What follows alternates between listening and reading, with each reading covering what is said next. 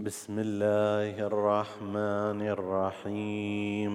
صلى الله عليك يا سيدي يا رسول الله. صلى الله عليك وعلى ابن عمك أمير المؤمنين.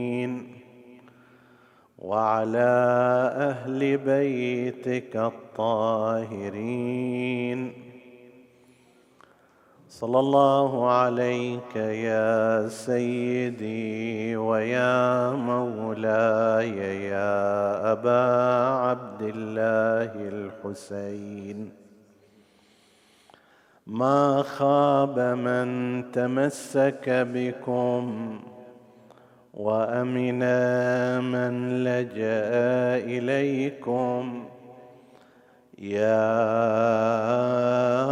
ليتنا كنا معكم فنفوز فوزا عظيما. اوما أتاك حديث وقعة كربلاء أنا وقد بلغ السماء قتامها يوم أبو الفضل استجار به الهدى والشمس من كدر العجاج لثامها فحمى عرينته ودمدم دونها ويذب من دون الشراء قمقامها بطل أطل على العراق مجليا. فاعصوصبت فرقا تمور شآمها فكأنه نسر بأعلى جوها. جلى فحلق ما هناك حمامها فهنالكم ملك الشريعة. فهنالكم ملك الشريعة واتكى من فوق قائم سيفه ضرغامها فأبت نقيبته الزكية ريها. هل يشرب وقد ملك الشريعة؟ فأبيت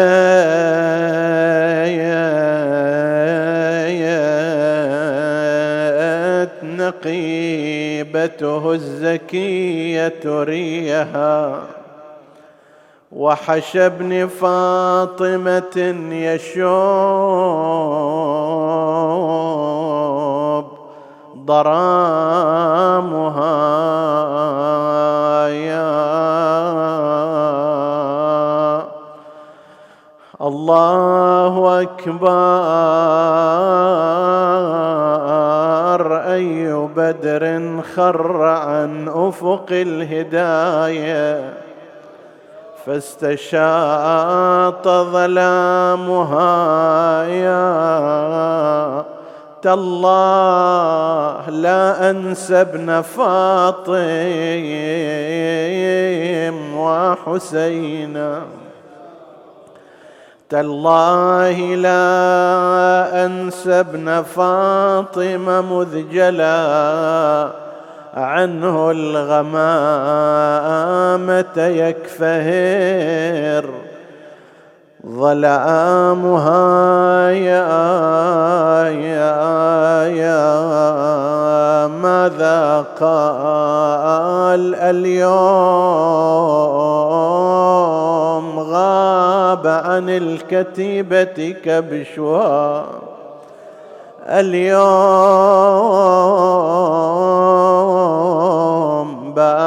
عن اليمين حسامها اليوم نامت أعين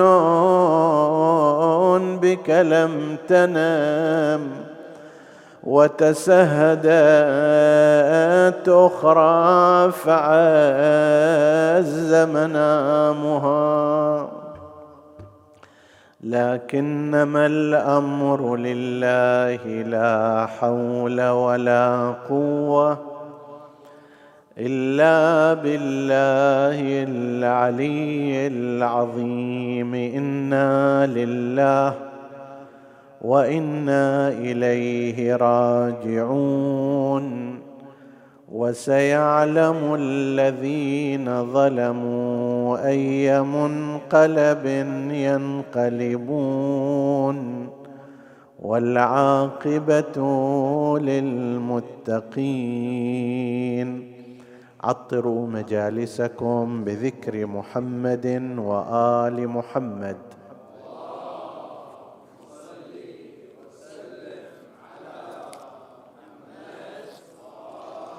اللهم صل على محمد.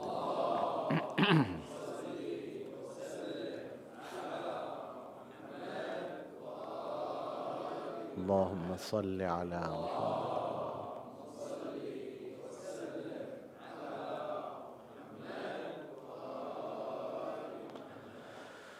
من الآية المباركة وسيعلم الذين ظلموا اي منقلب ينقلبون. ننطلق للحديث عن بعض قتلة الحسين وأصحابه في كربلاء. ونتحدث هذه الليلة عن ثلاثة كان لهم الاشتراك السيء في جرح وقتل أبي الفضل العباس سلام الله عليه. اولا الآية المباركة تشير إلى أن الظالمين سينقلبون ولا تقول كيف ينقلبون وإنما تبهم ذلك من أجل تعظيم المصير السيء وسيعلم الذين ظلموا أي منقلب ينقلبون. بعض الأمور إذا توضحها تقللها لكن إذا خليتها مبهمة قد تعظم. مرة تقول لواحد سوف أعاقبك بعشر ضربات. مرة تقول له راح أعاقبك عقاب. أي عقاب؟ فهذا السامع يخلي في باله كل الاحتمالات. بما في ذلك الإيذاء الشديد والسجن و وإلى. بينما إذا قلت إلى راح أعاقبك بعشر جلدات. خلص انتهى الموضوع. يقول لك أنا أعرف حدود العقاب هو هذا المقدار. فإذا أريد التعظيم والتفخيم في شيء مثل هذا الأمر في اللغة العربية عادة يجعل مبهما مجهولا بل ربما هذا الإنسان إذا واحد قال له راح أعاقبك عقاب أي عقاب عاد؟ طول الليل ما ينام وهو بس يفكر في أطراف العقاب المحتملة بينما إذا أخبره عن ذلك راح أغرمك هالقد فلوس خلاص انتهى الموضوع. أضربك هالقد ضرب. كذلك القرآن الكريم مع ملاحظة أن الله سبحانه وتعالى إمكانات الإمكانات كلها بيده.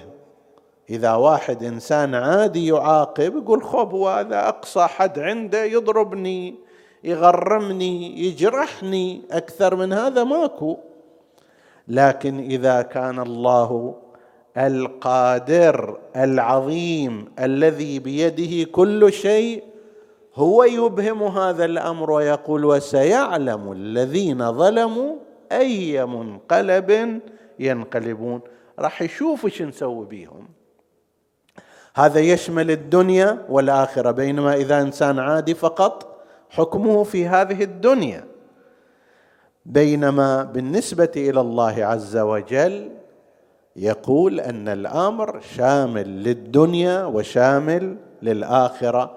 فإذا أضيف إليه عظمة الله عز وجل وقدرته على كل شيء يصير العقاب ويصير الجزاء المتوقع شيء بلا حدود لا سيما وقد استعمل كلمة الانقلاب. وسيعلم الذين ظلموا أي منقلب ينقلبون. وكأنما الإنسان كان في الحالة قبل الجزاء يمشي عدل صار مقلوب راسا على عقب. كان بصحة انقلب كان في مال انقلب كان في عقل انقلب. كل ما كان عليه سينقلب عليه.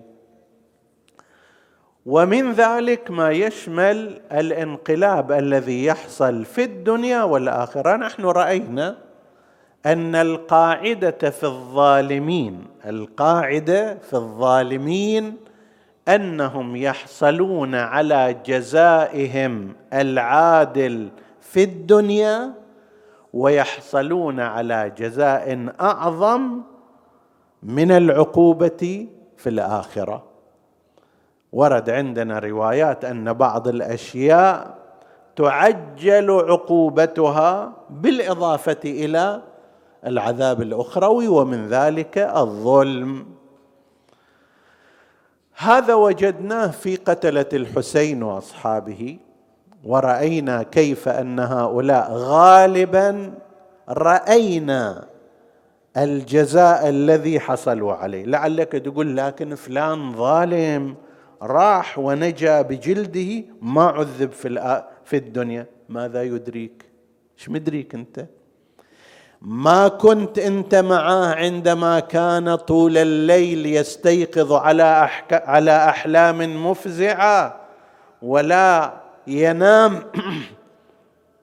بشكل هذا أنت مو يمه نعم نقل عن بعضهم مثل الحجاج الثقفي. حجاج الثقفي آخر شهرين من هلاكه غير الآلام البدنية اللي طلعت اليه على أثر خراج خرج بالنسبة اليه التاريخ ينقل أنه كل ليلة كان يقعد في جوف الليل ويصرخ احبسوه عني اطردوه عني. هذا سعيد بن جبير يخنقني. آخر واحد قتله كان سعيد بن جبير فقيه أهل المدينة تلميذ من تلامذة الإمام السجاد سلام الله عليه وقتل على ولاية أمير المؤمنين عليه السلام. بعده ما قتل أحد.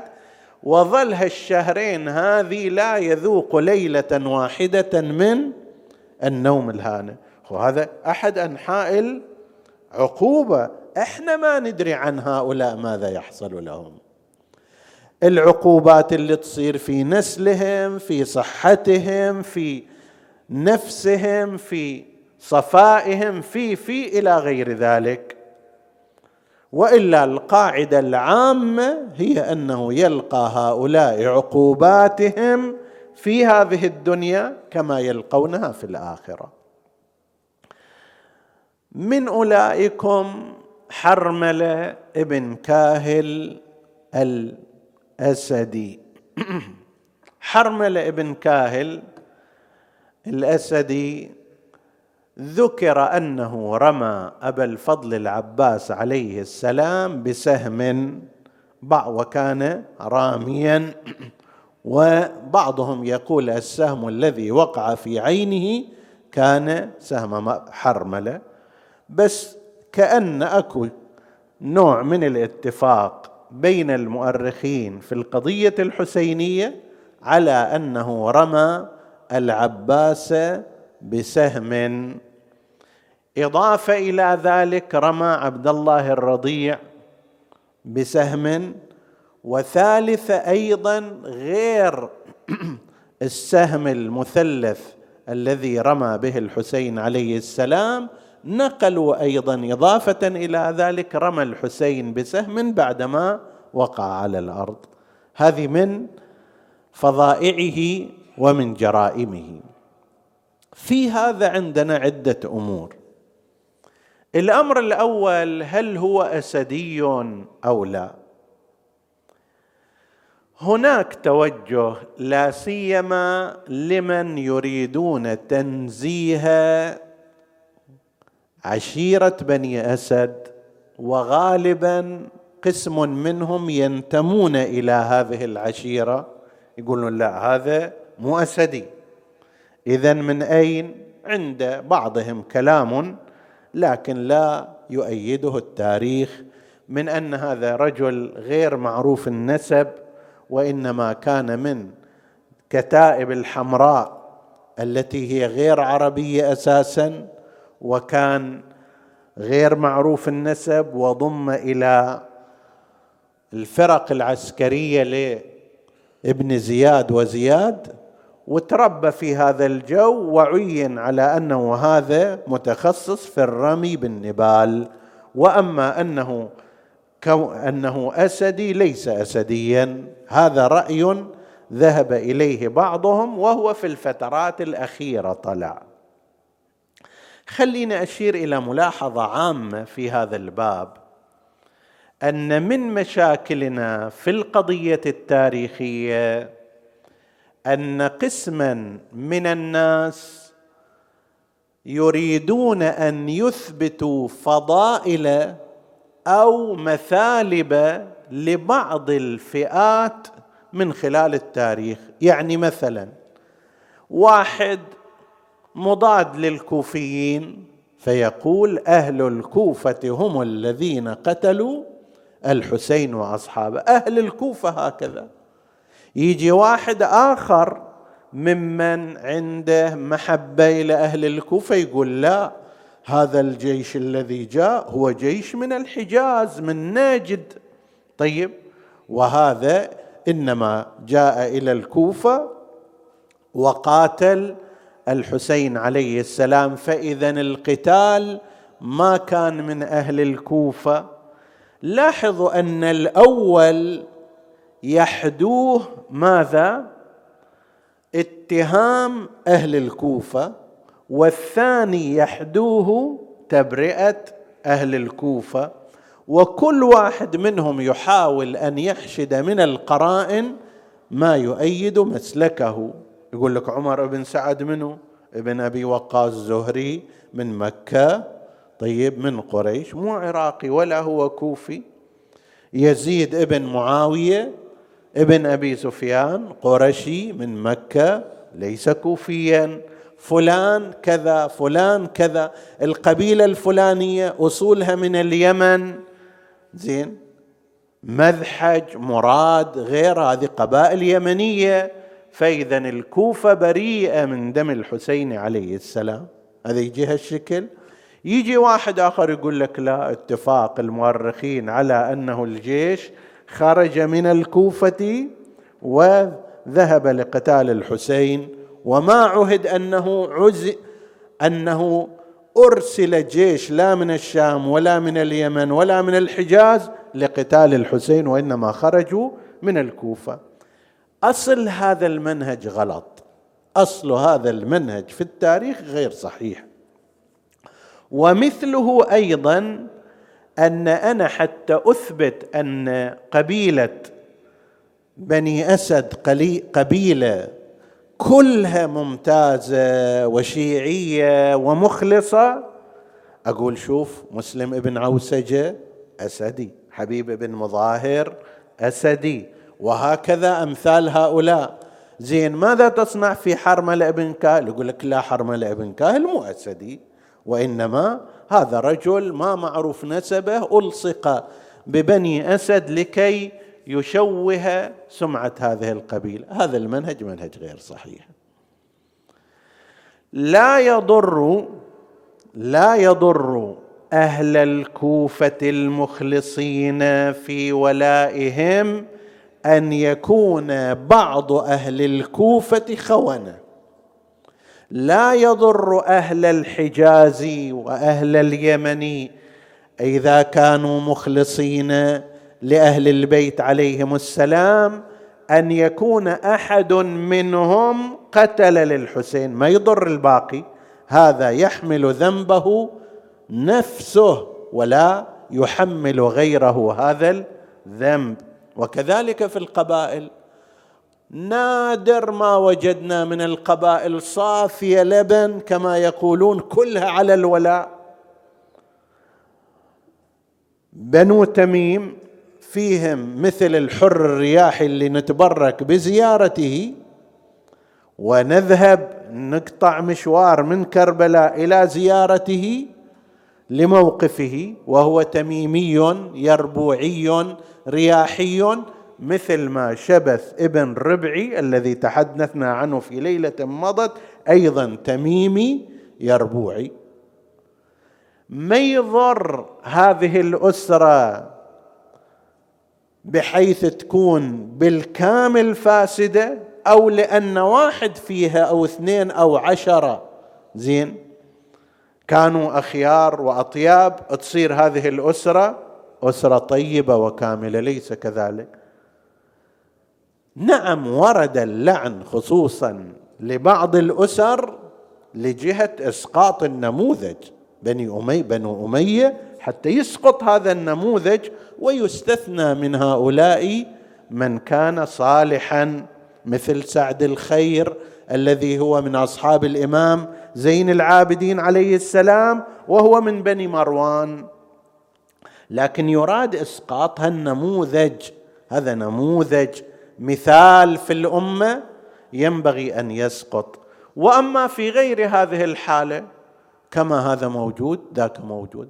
مراد مذحج مراد فيهم عبد الرحمن ابن ملجم المرادي قاتل أمير المؤمنين وفيهم هاني ابن عروة المرادي.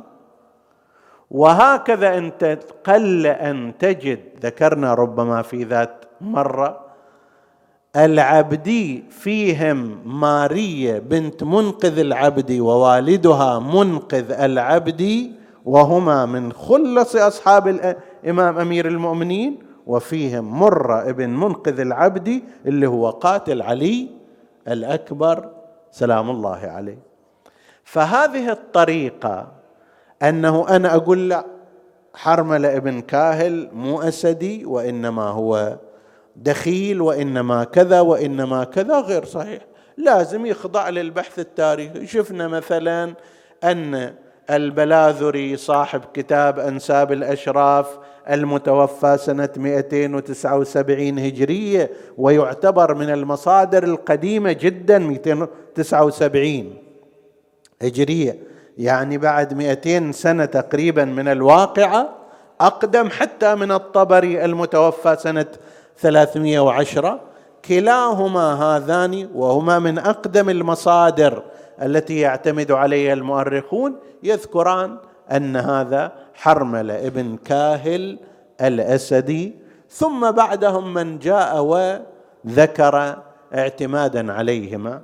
ومن يضر بني أسد أن يكون منهم؟ هذا سواء من نسبهم أو من المتحالفين معهم. أحيانا يكون شخص حتى إذا مو منتسب لهم بالنسب ينتسب لهم بالولاء يسمونه يتحالف معهم ينحسب عليهم. فسواء هكذا أو هكذا لا يضر بني أسد. هذه الأمور. بنو أسد منهم من ناصر الحسين عليه السلام في الكوفة منهم من ناصر الإمام الحسين في كربلاء منهم من دفن الإمام الحسين بالاشتراك مع الإمام زين العابدين ومنهم أيضا من حمل رأس من حمل بعض الرؤوس إلى كربلاء وكانوا في صفوف العدو. هذا ما يضر القبيلة ماكو قبيلة صافية مئة في المئة على خط الولاء. إحنا وجدنا حتى في الذرية النبوية والعترة الهاشمية أكو ناس منحرفون. فكيف بالنسبة إلى سائر القبائل؟ هذه ملاحظة كان لا بد من ذكرها. حرمله هذا اللعين اشترك في المعركة وكان راميا أكو بعض الأشخاص يتخصصون في أحد فنون القتال. الرماة. كمبدأ عام لا يعرفون بالشجاعة. الشجاع هو المقاتل المباشر وجها لوجه بالسيف أو بالرمح أو ما شابه ذلك. فهو يجي يقاتل أعداءه يحتاج إلى جرأة قلب وإلى قوة عضلات حتى يقاتل من يقاتله. أما الرامي ما يحتاج إلى هذا. إذا واحد عنده مسدس من بعيد يطلق الرصاص على آخره هذا ما يحتاج إليه. إلى شجاعة لأنه هو ماذا يواجه؟ مواجهة مباشرة. فالرماة مو بالضرورة إذا لم يكن عندهم فنون قتالية أخرى من المبارزة الفردية أو هجوم الالتحام أو غير ذلك هؤلاء ليسوا بالضرورة يكونون شجعانا ومقاتلين لأنه هو قد يكون على بعد 200 متر 300 متر بس يرمي بالسهم أو بالنبلة. إن صابت انقتل ذاك ما انصابت هو ما تأثر بشيء. هذا حرملة كان من هذا النوع كان عنده فقط القدرة على قضية رمي السهام والنبال. وقيل إنه كان أيضا يسمم سهامه التي يرميها. ليش؟ لأن السهم أو النبلة قد تأتي وتصيب مقتلا من الإنسان بنفس الجرح تقتله مثل ما لو كان أصابت احشاءه قلبه كبده إلى غير ذلك. لكن لو فرضنا أصابت يد الإنسان هاي النبلة أو السهم ليس بالضرورة أن يقتل. يجرح من الممكن حتى تقطع اليد ولكن لا ينتهي إلى القتل. لو أصاب الرجل مثلا أو الساق وهكذا.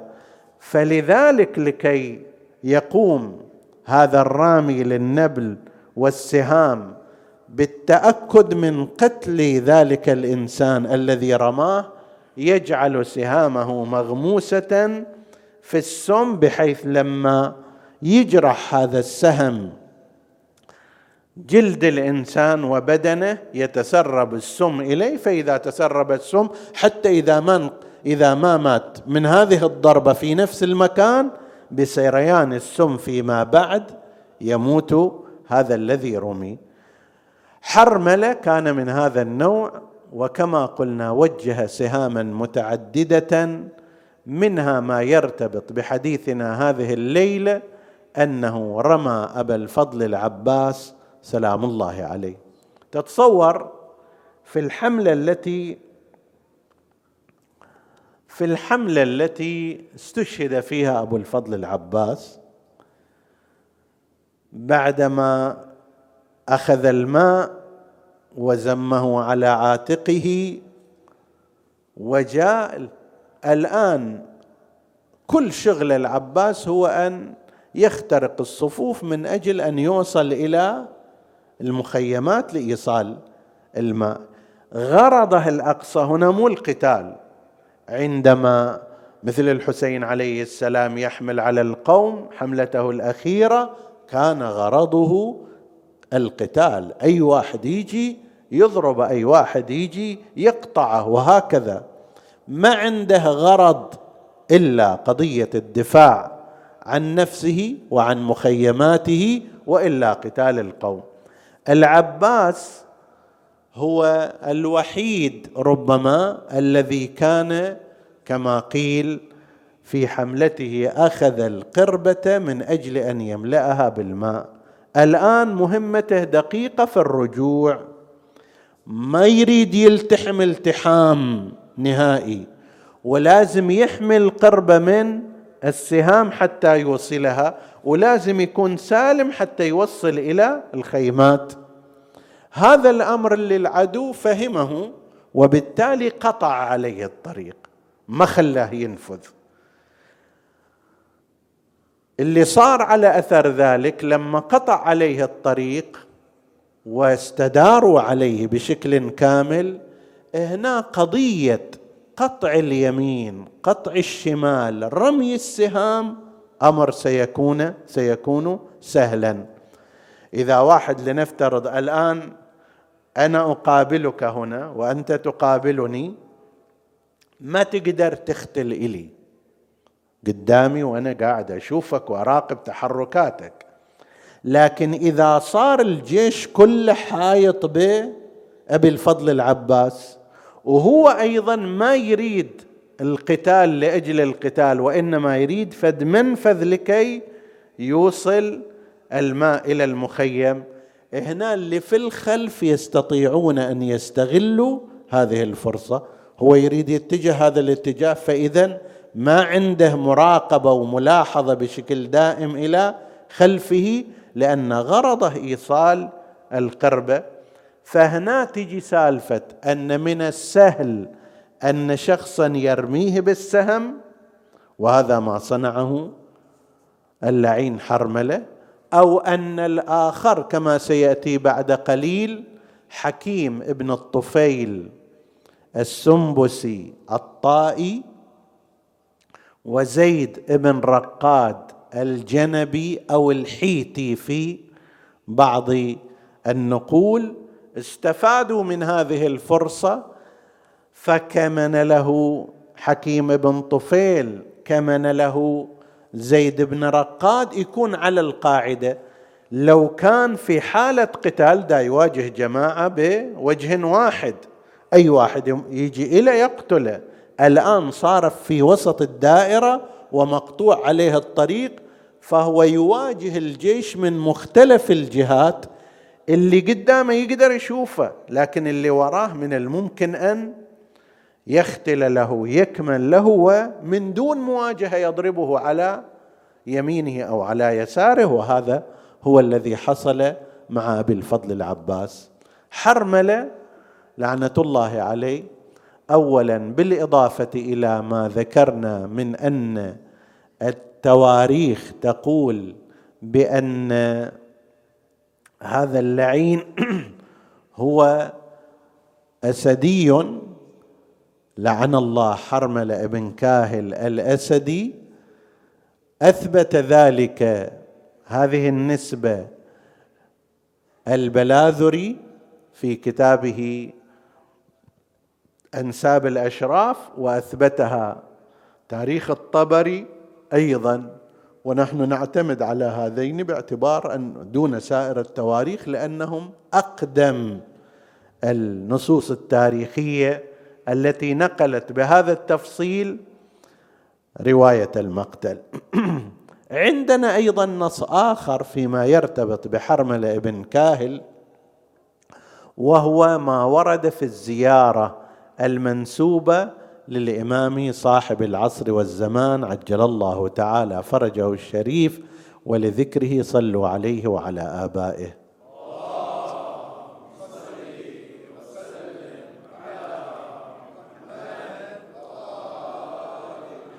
وهي أن عندنا زيارة اللي يعتمد عليها كثير من العلماء وهي بمثابة تعداد لأسماء الشهداء في كربلاء وأسماء قتلتهم. لذلك مهمه من هذا الجانب.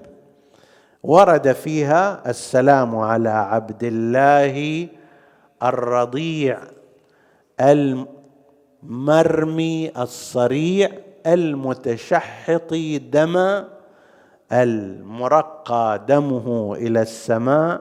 لعن الله قاتله وراميه حرملة بن كاهل الأسدي.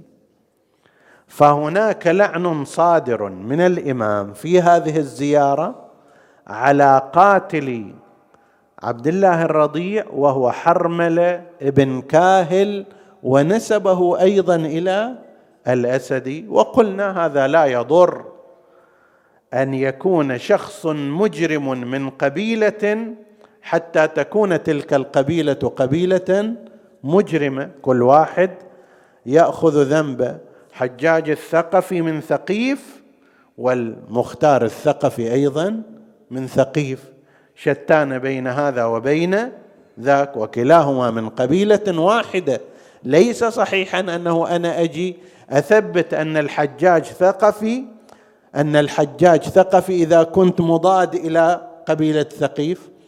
أو أثبت أنه مو ثقفي وإنما المختار هو الثقفي حتى أثبت أن هذه القبيلة قبيلة مثلا موالية. كل واحد يؤاخذ بعمله ولا يضر قبيلة سوء عمل بعض أفرادها وإنما يحاسبون على هذا الأساس. هذا الظالم الأول الذي سيعلم أي منقلب ينقلب وبالفعل هذا هم صار إليه لأنه عندما نهض المختار الثقفي وبدأ بتتبع قتلة الحسين عليه السلام كان من جملة من طلبهم حرملة ابن كاهل الأسدي. مختار لما اجى تقريبا أحكم السيطرة على الكوفة لا احد يشرد. وهذا اللي مكنه من أن يتتبع هؤلاء يعني حصرهم في دائرة قدر الإمكان وبدأ يلتقطهم واحدا واحدا. المنهال ابن عمرو يقول كنت في الحج فذهبت إلى المدينة ومررت بسيدي ومولاي علي بن الحسين. فلما رآني قال لي يا منهال من أين قدمت قال من الكوفة. قلت له من الكوفة؟ فقال لي ما فعل حرملة بن كاهل؟ يعني شلون؟ بعد لا يزال على قيد الحياة. كأنما هذا أوجع قلب الأئمة عليهم السلام والإمام السجاد بالذات بحيث يسأل عن وجوده وبقائه. ماذا فعل حرملة بن كاهل؟ قلت له تركته في الكوفة يعني بعد على حاله. فرفع الإمام يديه إلى السماء وقال اللهم أذقه حر الحديد اللهم أذقه حر النار. دعاء الإمام عليه السلام قد يكون ناظر إلى الدنيا والآخرة. أذقه حر الحديد في هذه الدنيا بالقتل وحر النار في الآخرة وقد يكون لا في كلا الأمرين. يقول ف امنت على دعائه ورجعت إلى الكوفة وإذا بي وأنا أمشي في بعض الأزقة أرى جماعة قد أقبلوا وقد جاءوا إلى المختار بحرملة بن كاهل. قبضوا عليه ذولا رئيس الشرطة ابن كامل وكيسان وغيره. هؤلاء كانوا يعرفون الأشخاص ويتتبعونهم. فجيء به إليه فأمر المختار بأن يقتل يضرب تضرب رجلاه ويداه ثم عنقه ثم يحرق بالنار. هذا الأمر هل هو سليم أو لا سوف نأتي على جوابه في وقت آخر إن شاء الله وسنقول هناك بشكل مفصل ما الآن نشير إليه إشارة أن أئمة أهل البيت عليهم السلام لا يغطون تماما هذه الأمور. يعني لم يأمروا بها امرا مباشرا. طيب لكن قام بها المختار أو قام بها عامة الناس لغضبتهم ولهياجهم على هؤلاء هذا أمر آخر. ما عندنا رواية تشير إلى أن الإمام قد آمر بذلك بل ولا أنه صادق عليه. في نفس الوقت أيضا لم ينهى عنه باعتبار أنه المختار كان ينفذ هذه الأمور فورا ما يرجع إلى هو في الكوفة والامام الإمام زين العابدين عليه السلام كان في المدينة. نعم ربما وافق بعضها مثل هذا المورد دعاء الإمام عليه السلام اللهم أذقه حر الحديد اللهم أذقه حر النار. طيب لكن هذا شيء وأن الإمام يتحمل مسؤولية ذلك؟ لا. سوف نتحدث عن هذا إن شاء الله بشكل مفصل ونعرض إلى الروايات التي تحدثت عن هذا المورد وعن غيره إن شاء الله في وقتها المناسب. المهم المنهال يقول لما شفت هكذا قلت سبحان الله سبحان الله سبحان الله. فقال لي التسبيح حسن ولكن شنو هذا يعني؟ ما هي مناسبته؟ فتحدثت له بما سأل عنه الإمام زين العابدين عليه السلام ودعاؤه عليه دعاؤه على حرمله ابن كاهل. فسجد المختار شكرا لله. قلت وأعيد دعاء الإمام عليه السلام يحتمل أن يكون ناظر إلى الدنيا وللآخرة ويحتمل أن يكون ناظرا إلى كلي إلى الدنيا في كليهما الحديد والنار ويحتمل أن يكون ناظرا إلى الآخرة في كليهما. وهذا سوف نأتي عليه في وقت آخر إن شاء الله. المهم أن هذا المعنى ينسجم تماما مع قول الله عز وجل وسيعلم الذين ظلموا أي منقلب ينقلبون. انقلب في هذه الدنيا إلى أنه ما عاش فترة طويلة. يعني سنة ستة وستين هجرية هلاك حرملة ابن كاهل.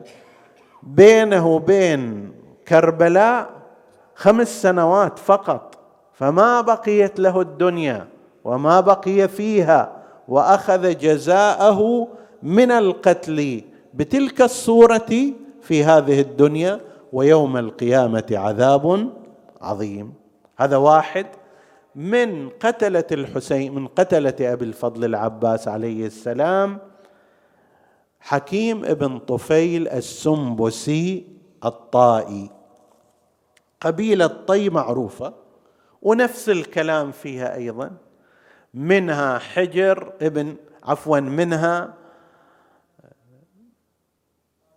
حاتم ابن عدي الطائي حاتم ابن عدي الطائي رجل من خلص أصحاب أمير المؤمنين عليه السلام وقد ذهبت عيناه في حروب أمير المؤمنين وذهب أولاده الثلاثة شهداء مع أمير المؤمنين عليه السلام هذا طائي وهذا أيضا طائي. طرماح أيضا طائي اللي كان يريد الالتحاق بالإمام الحسين عليه السلام صاحب الرجز المعروف في الطريق لكنه ذهب إلى بلاده إلى طي على أساس أن يرجع ولكن لم يلحق على الرأي المحقق لم يلحق بيوم كربلاء وعاشوراء ففاتته الشهادة. بس كان رجلا صالحا وكانت نيته على المشاركة.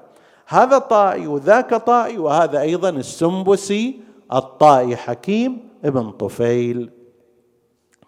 هذا لا يذكر وهذا من يعني من الأمور التي فيها موعظة حقيقة للإنسان. أنت أي ذكر تخلف عنك في الدنيا؟ أهلك بماذا يذكرونك؟ أهل محلتك؟ بما يذ بماذا يذكرونك؟ أهل بلدك بماذا يذكرونك؟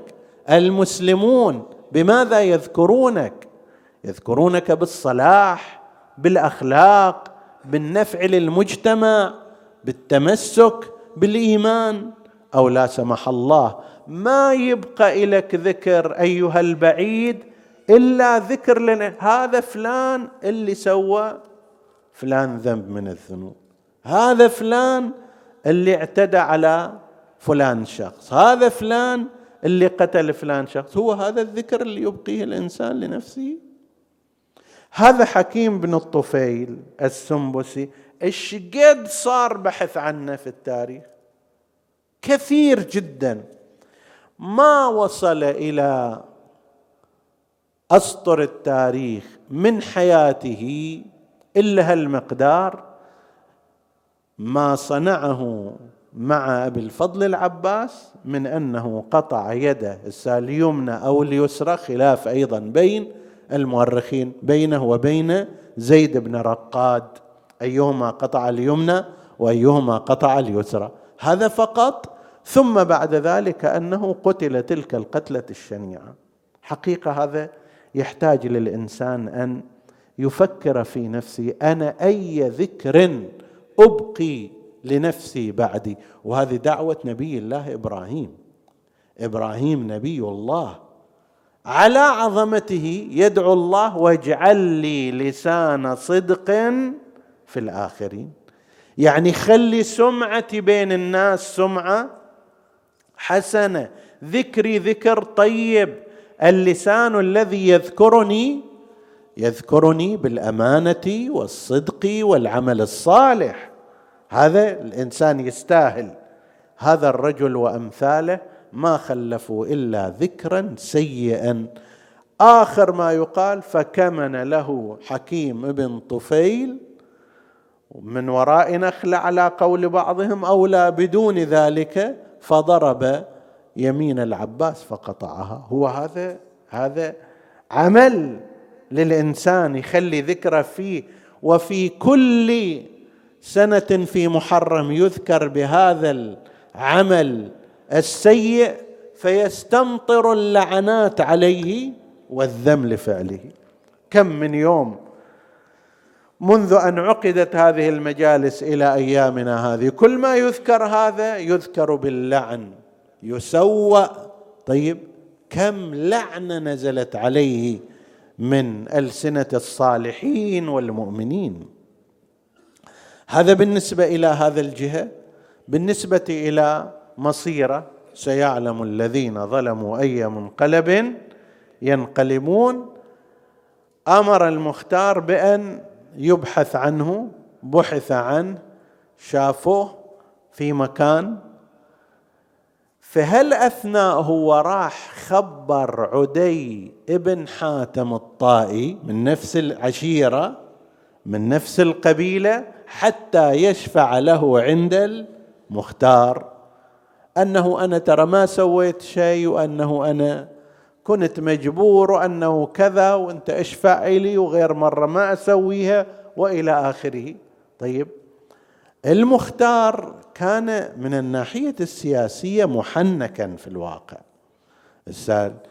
نقول بعض الأعمال اللي صارت في أيامه عليها ملاحظات ولكن من الناحية السياسية وقيادة معركة الثأر للإمام الحسين كان محنكا للغاية.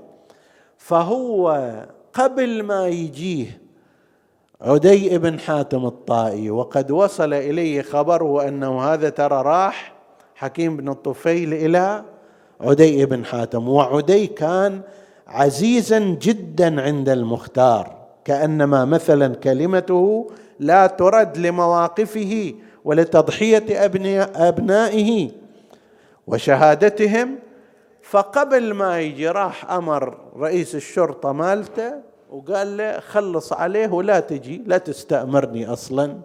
طيب وبالفعل هم ذهب هؤلاء إليه وحاصروا منزله و ما أراد أن يخرج أرادوا اقتحامه اقتحام البيت عليه فخرج على أساس يقاتل فنصبوه غرضا للسهام ورموه بنفس تلك السهام التي رمى بها غيره رمى بها غيره وهلك في مكانه ثم قطع رأسه وأخذ إلى المختار الثقفي. إلا عدي بن حاتم قاعد هناك عند المختار حتى شنو؟ مثلا يشفع له أنه هذا أعرب عن حسن سلوك وتاب وإلى آخره وتشفع في فألقى رأسه. رئيس الشرطة ألقى رأسه بين يديه. انتهى بعد ماكو محلة هذه الشفاعة. ومثله أيضا زيد بن رقاد اللي هذا أول ما اجى إلى الكوفة كان يفتخر بأنه أنا رميت سهام منها أنني رميت سهما وكان أحد أبناء الحسن واضعا يده على جبهته فسمرها بجبهته. يعني هذه النبلة التصقت باليد ولزقت في جبهته بعد ما يقدر يشيلها. طيب ثم رماه بسهم آخر في قلبه فاستشهد ابن الحسن إذا قيل إنه ابو أبو بكر بن الحسن المجتبى وقيل غيره من أبناء الحسن وأيضا هو يذكر له جريمة قطع يمين العباس أو يساره على الخلاف. المشهور أنه قطع يساره. حكيم بن طفيل كمن من جهة اليمين وقطع يمين العباس وهذا جاء من جهة اليسار وقطع يمين وقطع يساره. نتيجة هذا أنه أيضا نفس الشيء أتي به وقتل وذهب إلى نار جهنم خمس سنوات بين ارتكابه الجريمة وبين لقائه الجزاء وهو القتل وأنه حرم من هذه الدنيا بالإضافة إلى يوم القيامة العذاب الشديد. هذا وين مثل هؤلاء؟ وأولئك الذين ضرب الله بهم المثل ألم تر كيف ضرب الله مثلا كلمة طيبة كشجرة طيبة أصلها ثابت وفرعها في السماء. سطران فقط هو اللي بقي من حكيم بن طفيل وزياد بن زيد بن رقاد بل وحرمل بن كاهل. سطران يقطران باللعنة والإثم. وأبو الفضل العباس القتيل الشهيد. هات أنت ترى مشهده الذي تناطح قبابه ومنائره السماء علوا ورفعه والمكان الذي لا ينقطع عنه الزوار. ليل نهار رزقنا الله وإياكم زيارته وزيارة أخيه الحسين عليه السلام. ويستحق ذلك أبو الفضل العباس. بطل إذا ركب المطهم خلته جبلا أشم. يخف فيه مطهم. هذا البطل بهذه الصورة. بطل تورث من أبيه شجاعة فيها أنوف بني الضلالة ترغم مو غريبة إذا ما نقل من أحوال أمير المؤمنين عليه السلام. كما يذكر الذاكرون من أن أبا الفضل عندما جاء إلى هذه الدنيا وأقبلت أم البنين به إلى أبيه أمير المؤمنين أخذ يمينه وصار يقلبها ثم قبلها وبكى وأخذ يمين وأخذ يده اليسرى قلبها ثم قبلها. وبكى. قالوا قالت أم البنين يا أبا الحسن يا أمير المؤمنين هل في ولدي شيء يعني إيده مشوهة؟ هل هناك مشكلة في أشوف تعاين لها وتبكي؟ هل ساءك شيء من؟ قال لها لا يا أم البنين ولكن هذين اليدين تقطعان في نصرة ابن بنت رسول الله. أخيه الحسين وهذا المعنى اللي أخذه أبو الفضل العباس وقال والله إن قطعتم يميني إني أحامي ابدا عن ديني وعن إمام صادق اليقين. نجل النبي الطاهر الأمين قطعوا يمنى حمل عليهم حاملا السيف بيسرى فقطعوا اليسار نادى يا نايف لا تخشي من الكفار وأبشري برحمة الجبار. إيش صار؟ قد قطعوا ببغيهم يساري فأصلهم يا رب حر النار. بينما هو كذلك عز عليكم جاءته السهام كرش المطر أصاب سهم حرملة على هذه الرواية عينه وأصاب سهم آخر القرب وأريق ماؤها.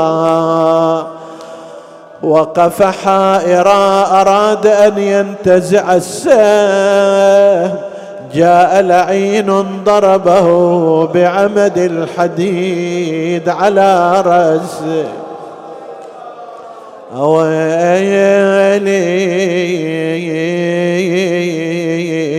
عمد الحديد بكربلاء خسف القمر.